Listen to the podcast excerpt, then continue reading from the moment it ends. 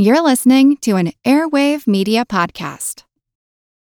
Without the ones like you, who work tirelessly to keep things running, everything would suddenly stop.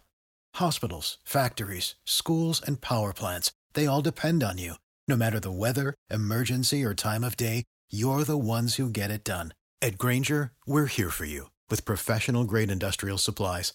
Count on real time product availability and fast delivery. Call clickgrainger.com or just stop by. Grainger for the ones who get it done. As a longtime foreign correspondent, I've worked in lots of places, but nowhere as important to the world as China.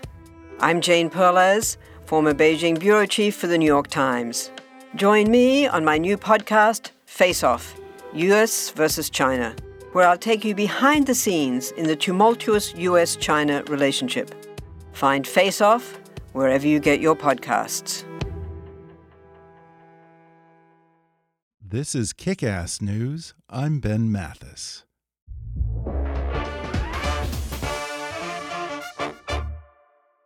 Support for today's show comes from the Life is Good Ping podcast.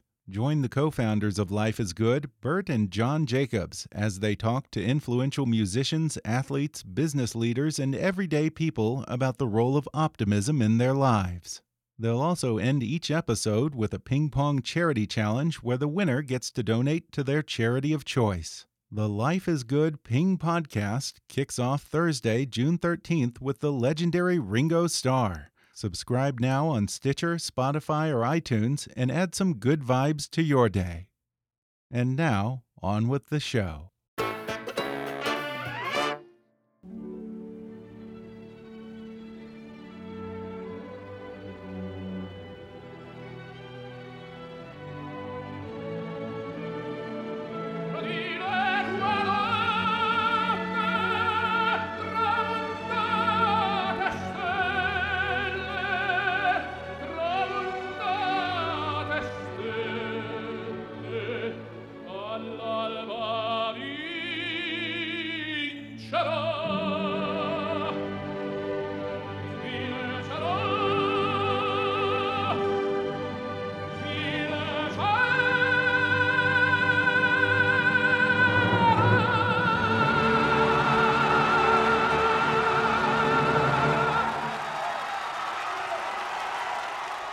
I'm Ben Mathis. Welcome to Kick Ass News. That was the incomparable voice of the man considered by many to be the greatest singer that ever lived, opera star Luciano Pavarotti. The legendary tenor blew away opera lovers with his astounding ability to hit nine high Cs in a row, and later confounded critics when he took opera out of the concert hall and into stadiums. But offstage, he lived an equally operatic life, as seen in a new documentary by director Ron Howard. His film Pavarotti opens in theaters Friday, June 7th, and today the Academy Award winning filmmaker behind Apollo 13 and A Beautiful Mind joins me on the podcast to discuss his newfound love of opera and of the man who brought opera to the masses, and how he's hoping to carry on that legacy by bringing Pavarotti to moviegoers. Ron Howard talks about the art of filmmaking and storytelling, how the director approaches a documentary versus a narrative film, and how he decided to tell Pavarotti's story as an opera with all the love, heartbreak, and drama that audiences have come to expect. Then we get into Pavarotti the Romantic, how Ron got the various ladies of Pavarotti's life to participate in the film, and why Pavarotti often compared his famous voice to a tempestuous lover. He tells the story of how the three tenors were formed and how opera got the rock star treatment when Pavarotti started collaborating with everyone from Stevie Wonder to Sting, often to the consternation of stuffy opera critics. Plus, we talk about Pavarotti's enormous appetite, his even bigger heart, and Ron's own chance encounter with this opera legend. Coming up with Oscar winning filmmaker Ron Howard in just a moment.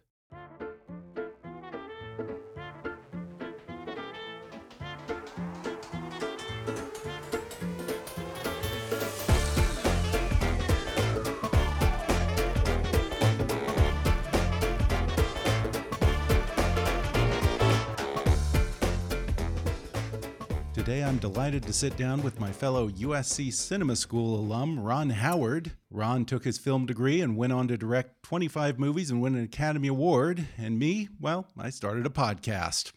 Ron's latest film is an emotional documentary about the man that many people consider to have been the greatest singer that ever lived, Luciano Pavarotti. Ron Howard, welcome.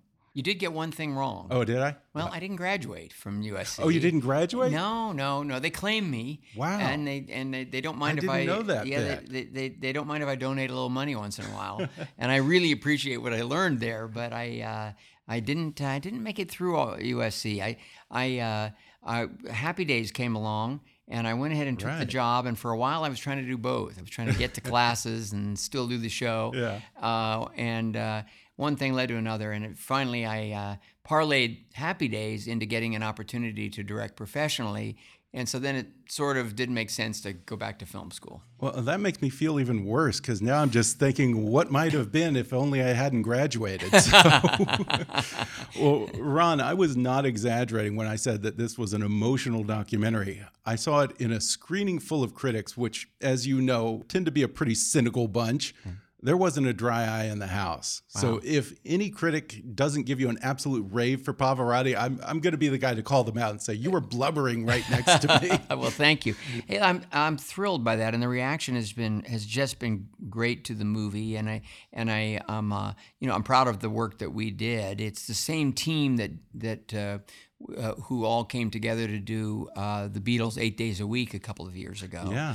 Um, and we have a really, uh, I think, a, a good creative chemistry going in terms of delving into the research, exploring it. Paul Crowder, the editor, is a great storyteller in his own right. Um, and Nigel Sinclair, the producer, and Mark Monroe is a writer producer on it. Uh, and um, uh, but I, I think it's all a real testament to um, to Pavarotti uh, and those who we interviewed, because to an individual, they were defining the spirit of our film. And we're talking about over 50 interviews. They didn't all make it into the final. Yeah. But they all suggested a complicated individual. You know, I mean, he had regrets later in his life, that the, the way some of his relationships had ended and, and, and so forth. But all that said, the overriding feeling was that this was an extraordinary guy who lived with joy, lived with integrity, you know, and the world, the art form, and all of them as individuals, whether they were family members, uh, uh, loved ones, friends, or or or colleagues, um, you know, just uh, they just appreciated him, and that came through interview after interview after interview. And uh, while we wanted a, a warts and all look at the, at the man, the balance, the ratio was kind of defined by the interviews that we were getting. Uh, yeah, I was going to ask about that because when you're directing a narrative film, the director starts out with a vision that sort of guides the whole production. When you're doing a documentary like this, and I think that this is probably your fourth documentary now, uh, do you let the research process guide you where it leads, or does some of your vision work in there from the beginning? Is that baked in? The, the late great uh, director Jonathan Demme, a friend Yeah. of mine, uh, uh, we were on the board of a great organization called the Jacob Burns Film Center in in uh, in Westchester County, uh, New York, and uh, um, he made fantastic uh, uh, documentaries, um, uh, uh, music documentaries, and and political documentaries as well as as being you know an Academy Award winning uh, director. I think he won the award for Silence of the Lambs, but so Yeah. many great movies. I asked him about it originally, and he really encouraged me to throw myself into it. And he said, and he was so wise about it. He said, "You go into a documentary with an idea of the story you think exists there that you want to tell, but you have to be in listening mode. You have to be re- responding." To uh, what you get back, whether you're going out into the field and trying to cover a story or an event, or you're doing uh, you know a movie built around archives and interviews and uh, and that's certainly what I found to be the case. It's very Yeah. different than than scripted in that ultimately with scripted you make the decision. Look, it's more like writing a biography, Right, Or, or like Michael say. Moore makes a documentary, Right, and he's right. you know he, he tells you what he thinks. Yeah. He, he says it. Right. Th- th- This is something else where you're really observing and sharing. And um, but the but but you you know you need to have the quotes. you need to have sort of evidence for the points that you're Mhm. um, that you're making. Um, and uh, I, I think it's a great addition uh, to my creative Mhm. life and, and, and sort of my Yeah. exploration of the medium. So it's a very different process, even than when you're doing a narrative film about true events like Apollo 13 or Cinderella Man, Beautiful Mind. Huh? What's similar is the post production part. hmm And that's where I, I found I was really able to carry over into the documentary world sort of the same mindset that I apply to the, the editing of any film, whether it's fact based or not, uh, which is all right. Here's the material we have. Um, what what's you know what is this story really yearning to be? What what what what is it? What can it really mean to audiences? Um, I always when I'm directing, uh, I I work very hard on the script with the writers.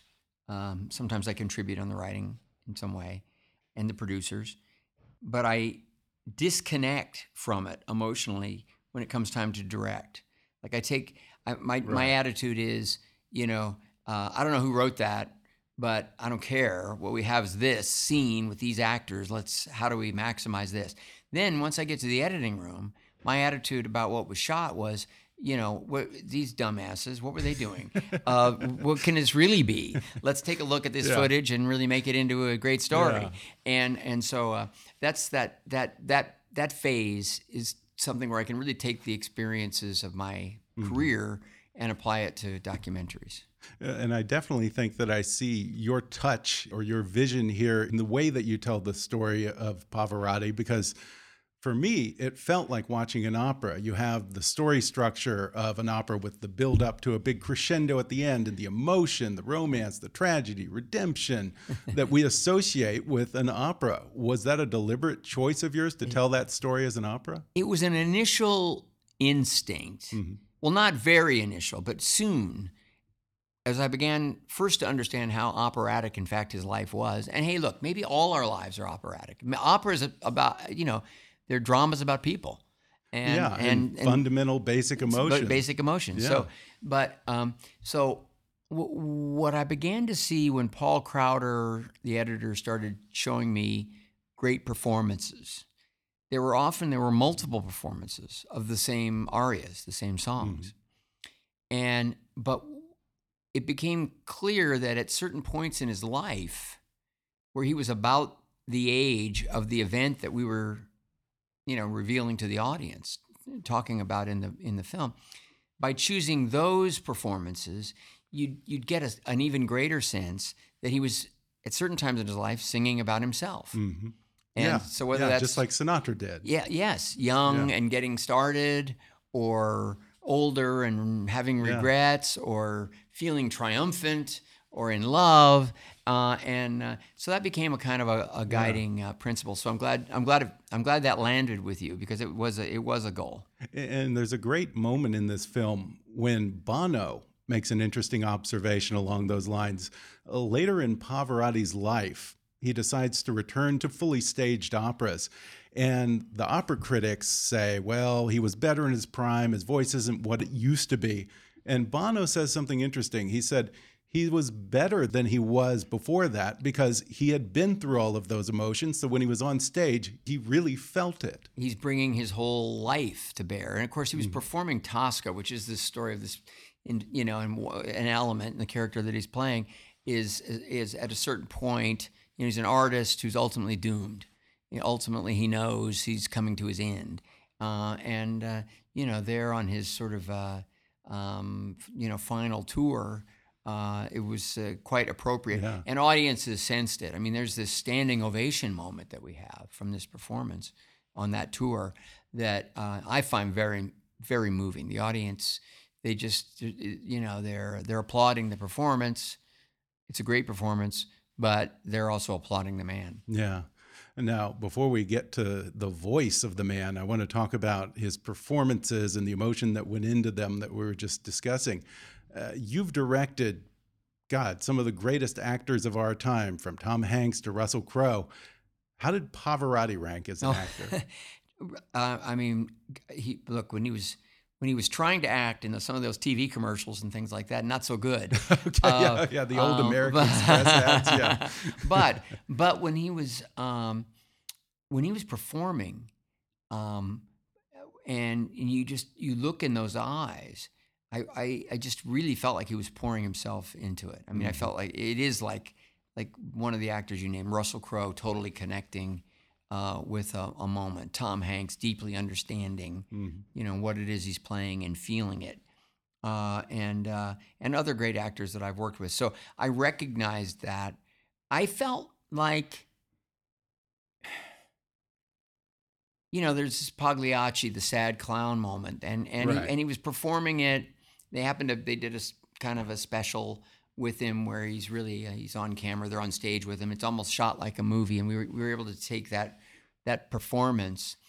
And it's you know and it's about your heart's breaking and yet you have to perform. That's mm-hmm. what that's what the song's about. Yeah. And we placed it and at that age he was really going through kind of a midlife crisis a kind of an identity crisis and it's very appropriate. And I, so i believe that when he was there were times in his life when the arias really really resonated with him on a personal level. You mentioned sinatra.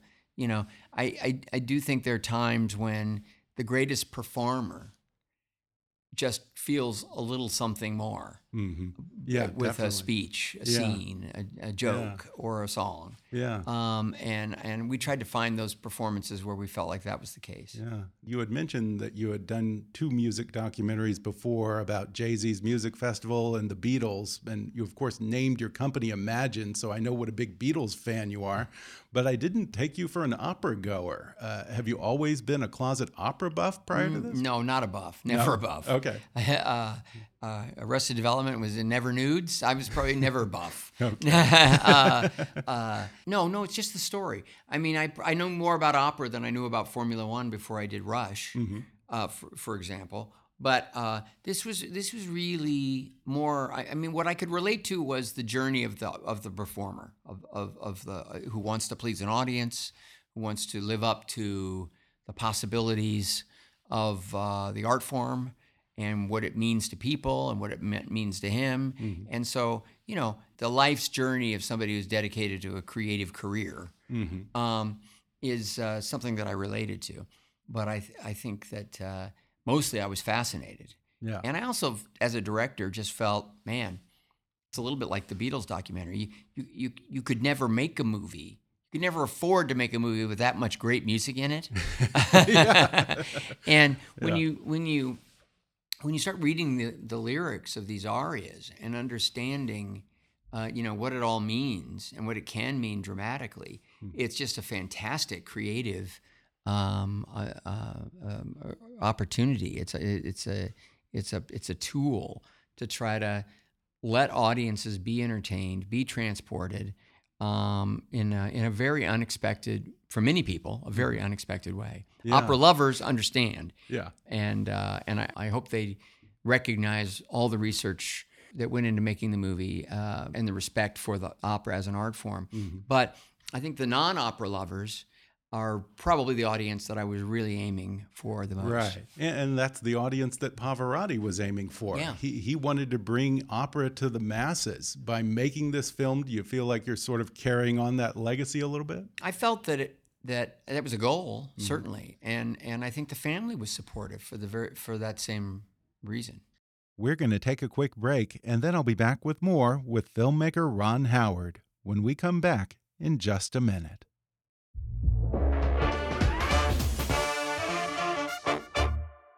Keeping pace with the many changes in technology is critical. Stay up to date and master the tech skills that companies want with a Udacity Nano degree.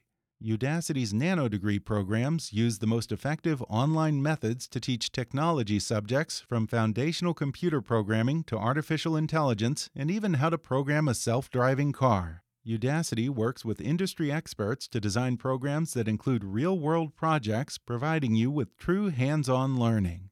With experienced reviewers to grade your work, you'll develop a job ready portfolio that showcases the right tech skills. Udacity's flexible pay as you learn monthly program lets you learn at your own pace, and they'll work with you to create a custom learning plan that fits your schedule.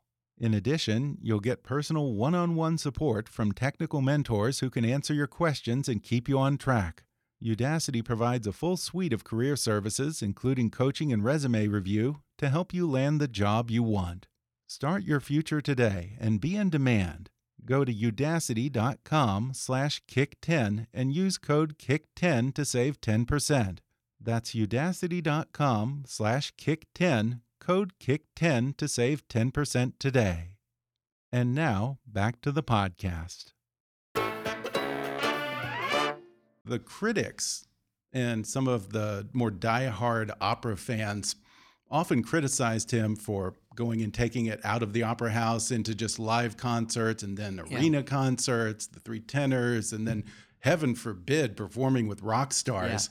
Yeah. Uh, do you think he cared much about that? Did he seek their approval? Did it matter? I think I think it's that paradox. Mm -hmm. I, mm-hmm. I think he did care. In some of these interviews, you sort of see in him the oh, there's a little anger, you know, because I was he mentions I was always criticized. So of course it hurt. Of course it hurt. Of course he he, he wanted to be better understood than that, and and respected at all times. But if what he had to weigh was follow the conventions um, and expectations of a select group of guardians of of uh, of the of the the medium as it's been understood for years, or uh, venture out, take some risks, take some chances, um, stretch myself in that way, perhaps have some fun, mm. and and and get opera out there into the world. And uh, I think he was willing to take the the the um, the bad with the with the good. I think the yeah. scales for him tilted toward this other kind of experience, yeah. which, by the way, was also invigorating for him. It it it fueled his philanthropic efforts, right? Expanded that. And creatively, he was getting to hang out with Bono. He was getting to you know to uh, ha- hang out with. Uh, um, Mariah Carey and people, you know, I mean, it was, uh, I'm sure stimulating for him mm. and a mm-hmm. blast. Yeah. Now we have to talk about that incredible voice some more. And I also want to applaud the sound design of this film. And I have to confess that I'm that guy who asked, hey, "Can't you send me a screener link for the movie?" Yeah, yeah. And yeah. the studio said you have to see it at theater with Dolby sound, otherwise you're just not going to do him justice. And they were absolutely right. I was yeah. so glad I did because I've heard many of these songs probably 50 or more times over the years on my home stereo or in the car. But when I was in the theater, I don't know what kind of magic you worked here, but it felt like I was in a concert hall acoustically. Well, that was that was the goal, and it's the same mixer who I've worked with many times before. He's an Oscar winner, Chris Jenkins. Um, all you know, Hollywood composers love it when you get Chris Jenkins as the mixer. He's great with yeah. music, in addition to everything else, sound design.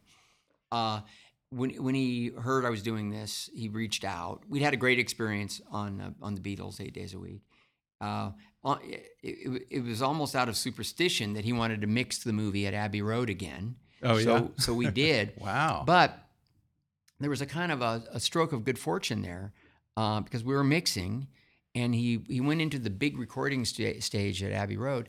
And they were set up with mics all over the room, and he found out that the London Symphony Orchestra was going to be recording there the next day, and he the light bulb went off for him, and he he that night he was able to go in and use their mic setup, and he re-recorded huh. some of the tracks of Pavarotti singing and some of the tracks of the of the orchestra playing, stripping them out and separating them as best oh, he wow. could, and and then um, uh, sort of re- remastered all of that so that it would have an even more symphonic yeah, yeah. quality, a room of a tone. 3D effect. It had yeah. a room tone, yeah. you know, mm-hmm. um, and uh, so it was a lot less about digital mm-hmm. and a lot more about really careful uh, re-recording and using, you know, real mic relationships and spatial relationships mm-hmm. uh, to the to the sound to to help help with that. Yeah. Um, and then certain moments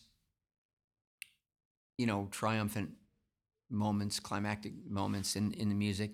You know, we certainly used uh, uh, everything in the old uh, Dolby bag yeah. of tricks to to uh, let, try to get the hair to raise up on your neck. Yeah, it sounded just fantastic, and it really, I think, did him justice. And one thing about Pavarotti that I found interesting is in one moment in the film, he describes his voice as a woman, or in terms that one would describe Yeah. a female. Yeah. He says, you know, I have to be careful with her sometimes. Sometimes I have to coax her out. Sometimes she loves me. Sometimes she doesn't love me. Sometimes she's very stubborn. As a man who loved passionately and had two wives and lovers and two daughters with whom he had somewhat strained relationship at some point. Uh, I have to imagine that he understood as well as anyone the double-edged sword of that analogy. Oh yeah, no, I'm. I, I, look, I'm sure he. I'm sure that he did. He's a very romantic guy, um, uh, but romantic about life. Uh, wh- uh, whether you're talking about uh, you know love and romance, or a kind of romance for going to China, a romance for uh, singing in the rain to Princess Diana and a, and a, and two hundred thousand people. Uh, you know, I, I think that I think that he lived a big life. If I could meet him and talk to him, I, I think the question I'd I'd want to ask would be how were you shaped by opera, not just as an art form and a discipline, but by the narratives of opera, the Huh. big sweeping storylines, Yeah. the drama, the Yeah. highs and lows. do you think that influenced you at all, or do you think it's just a natural, organic fit? Yeah, that'd be an interesting question. And you play on this idea in the film of that voice being something of a blessing and a curse because of everything that comes with that particular talent the celebrity, the entourage, and all that. Uh, To me, it almost seemed like a cruel cosmic joke to give this incredible voice to a simple Italian peasant, as he would describe himself, who was completely unequipped to deal with modern celebrity and sort of left to navigate all that on his own, don't you think? Well, look it's it's there was so many stories in the entertainment world of um, you know individuals who come from hard scrabble lives. Hi- you know, his was a small village in in post-war Italy. You've got um, you know kids coming out of the ghetto, whether they're athletes or they become great music stars or actors. You, you got people coming off of you know dirt farms who you know suddenly have these careers, and so it is art that ability to express an idea to audiences in ways that reach them more deeply than than most people. There is something about that that and and and those people coming from uh, less advantaged circumstances, it that is that sort of paradox because suddenly they they're earning people's respect, their love, and with it, you know, a lot of money often. And, and and by the same time, they're just not very well equipped. So it was another one of those stories made very particular because you know it's all happening in the in the erudite world of opera, and even opera wasn't supposed to afford that kind of wealth Yeah. but because he he did have this charisma and he did have this ability to sort of take it to the people and broaden the reach of the genre uh, he made vast sums so you know there is real irony in that but again there's you know there are a lot of twists and turns in pavarotti's life and i suppose that's one of the reasons Yeah. we were attracted to it And it also created sort of a gulf between Pavarotti and his first wife and his two daughters because here he was traveling all over the world performing to audiences of tens of thousands. Meanwhile, the family is staying back in Modena, Italy. Um, as a director, you might be on location for several months at a time. Can you relate to that a little bit? Well, yes and no. I mean, I, I can relate to being to being lonely and isolated and away from your family, but uh, you know, we just handled it very differently. My Yeah. Cheryl and my family went with me everywhere. Oh, really? Uh, okay. Yeah, and I mean, but I wasn't on these kind of road trips uh, where you know one night here and two nights there. Yeah, that's Uh, that's that's a different thing. Mhm. And um, look, um athletes, baseball, basketball players, you know, anybody with a long season, rock and roll acts, musicians, um, marriage is tough under any circumstance. And um, I think their relationship fell prey to that same kind of division. However, uh, make this point: Catholics in Italy, and and a famous Catholic at that, divorce was, you know, not really a very realistic option for many of those years. And even when he did finally divorce and take the leap, it was ex- extremely embarrassing for everybody and painful. So, you know, the specific culture that he came from only intensified the drama yeah. of that of those challenges. Yeah, and as a result of that, when he remarried, he couldn't, of course, marry in the Catholic Church, so he ended up marrying in an opera house. Yeah, right? which was uh, yeah, Yeah, an- another another little uh, another little twist and turn. Yeah. He was a very you know interestingly, by all accounts, he didn't live that kind of rock and roll life. Mhm. Uh, yes, he had he had relationships, he had romances and things like that. But it seemed to be he he was more a serial romantic than uh, than anything else. And uh, yeah, he ate, um, and uh, but he drank some, not a lot. You know, Yeah. uh, he uh, um, you know he didn't live a rock and roll life. He was protecting that voice, and so it's you know it's interesting. There's some parallels to any great you know rock star or musician, uh, and in in some ways he just had to live very differently. Mhm. And speaking of that enormous appetite, uh, one of the fun moments in the movie is uh, you, you see all of the food he would take from his village along with him on the tour. He'd Yeah. bring pounds and pounds of pasta and parmesan. One of the things I've always wondered about him is.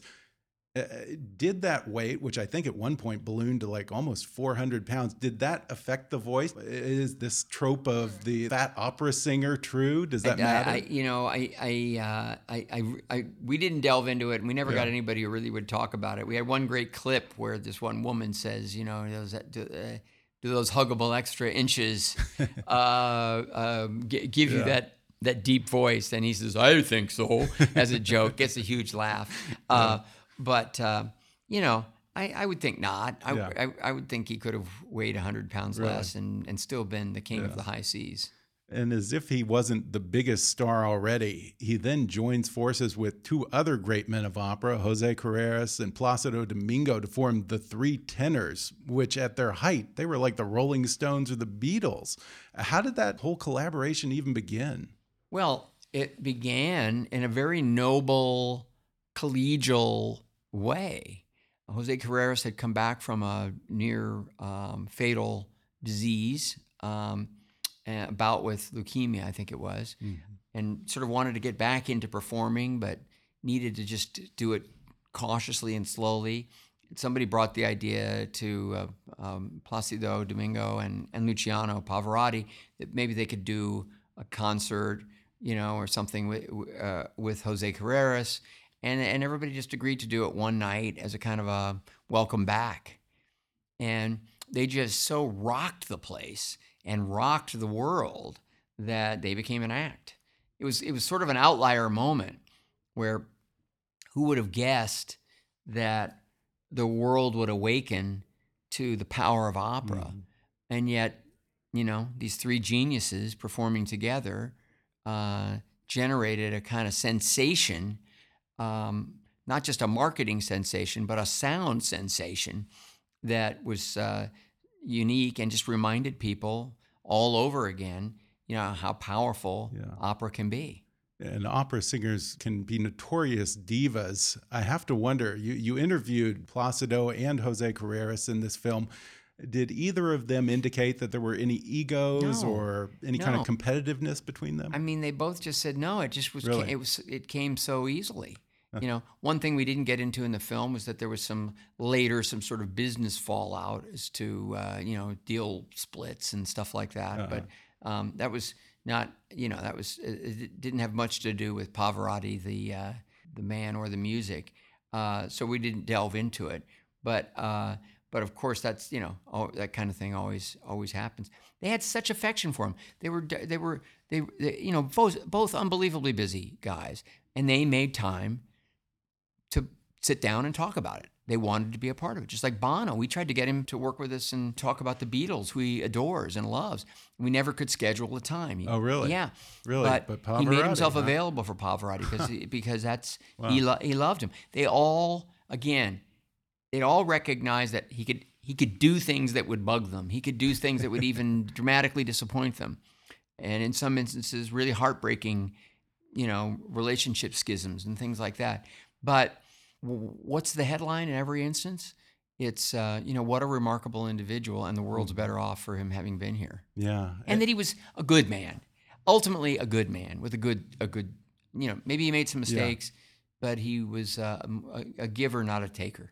Uh, yeah, and the last chapter in this film really drives that home when he just throws himself into charity and you see just this essential humanity of this person. And he just loved people not just rich people or famous people not just opera goers but fans service workers secretaries kids. He was a big kid himself. He just had this enormous enormous heart. You met him I believe, at one point in your life. Oh, well, Did you so ever briefly. get a glimpse of that? It just no. I mean, he was No. so care. It, it was in a huge kind of mob scene situation, Okay. Golden Globe party or some kind of thing like that. He was clearly like the event that he was there. He wasn't even performing. He just sort of walked around in his scarf and his fedora and said hi. Uh, you could sense the charisma, um, but uh, uh, but he was one of these people, by all accounts, that just would knew how to make people feel at ease. You know, knew how to connect, wanted to connect. You, you, that's not a manipulation. That's something that you you choose to do because it's better for you. It's easier for you to really make eye contact, make people feel comfortable because you want to feel comfortable. You know, and uh, so I don't think he was faking or wearing a mask. Or I don't think he was disingenuous. I think he wanted to feel good. He, he wanted to make other people feel good, and then that would rebound to him. And I think that's the way he lived his life. Yeah. Well, before we go, many have called Pavarotti the greatest singer that ever lived. What do you think? Do you think that's true? I'm not. I don't know enough about music to say. I, I really, I really don't. I, I, you know, others are saying it. I bet they're right or close to right. Um, he certainly gives me goosebumps when I listen to Yeah, him. me too. Um, but uh, so that's I mean, that's not the reason I was making the movie. I, I I wanted to tell the story because I thought it would um, offer insight in a few fresh, original ways, and I thought I thought it could it could uh, um, um, r- remind people or inform people uh, just what a great art form opera really is, and and how how misunderstood it can be. And also to take a moment to celebrate because it is a celebration ultimately. When people talked about you know disappointments or so forth we included that in the movie but ultimately the the upshot is it's a real celebration of somebody who who lived life um, really with gusto and i think that there's a lesson um, in that and uh, that would have been my takeaway Yeah. uh, I'd say is that when you live your life constantly uh, uh, trying to kind of uh, what maximize the experience, share the joy, bring joy to others, and and feel the benefits of that. That's uh, that's going to wind up being a rich, fulfilling life, well lived. Yeah, absolutely. Well, congratulations on such a beautiful film. I really highly recommend that everyone see it. Pavarotti opens in theaters Friday, June 7th. Ron Howard, thanks for talking with me. Thank you, pleasure. Thanks again to Ron Howard for coming on the podcast. Don't miss his documentary feature, Pavarotti, opening in theaters Friday, June 7th. Master the tech skills that companies want in today's landscape with a Udacity Nano degree. Udacity's flexible pay as you learn nano degree programs include expertly designed real world projects that fit your busy schedule. You'll also get one on one support from technical mentors and a full suite of career coaching services in your program. Start your future today and be in demand. Go to udacity.com slash kick10 and use code kick10 to save 10%. That's udacity.com slash kick10, code kick10. Be sure to subscribe to Kickass News on Apple Podcasts if you haven't already. And if you like what you're hearing, then rate and review us while you're there. Five star reviews are the easiest way for new listeners to find us. Don't forget to like us on Facebook and follow us on Twitter at, at KickassNewsPod.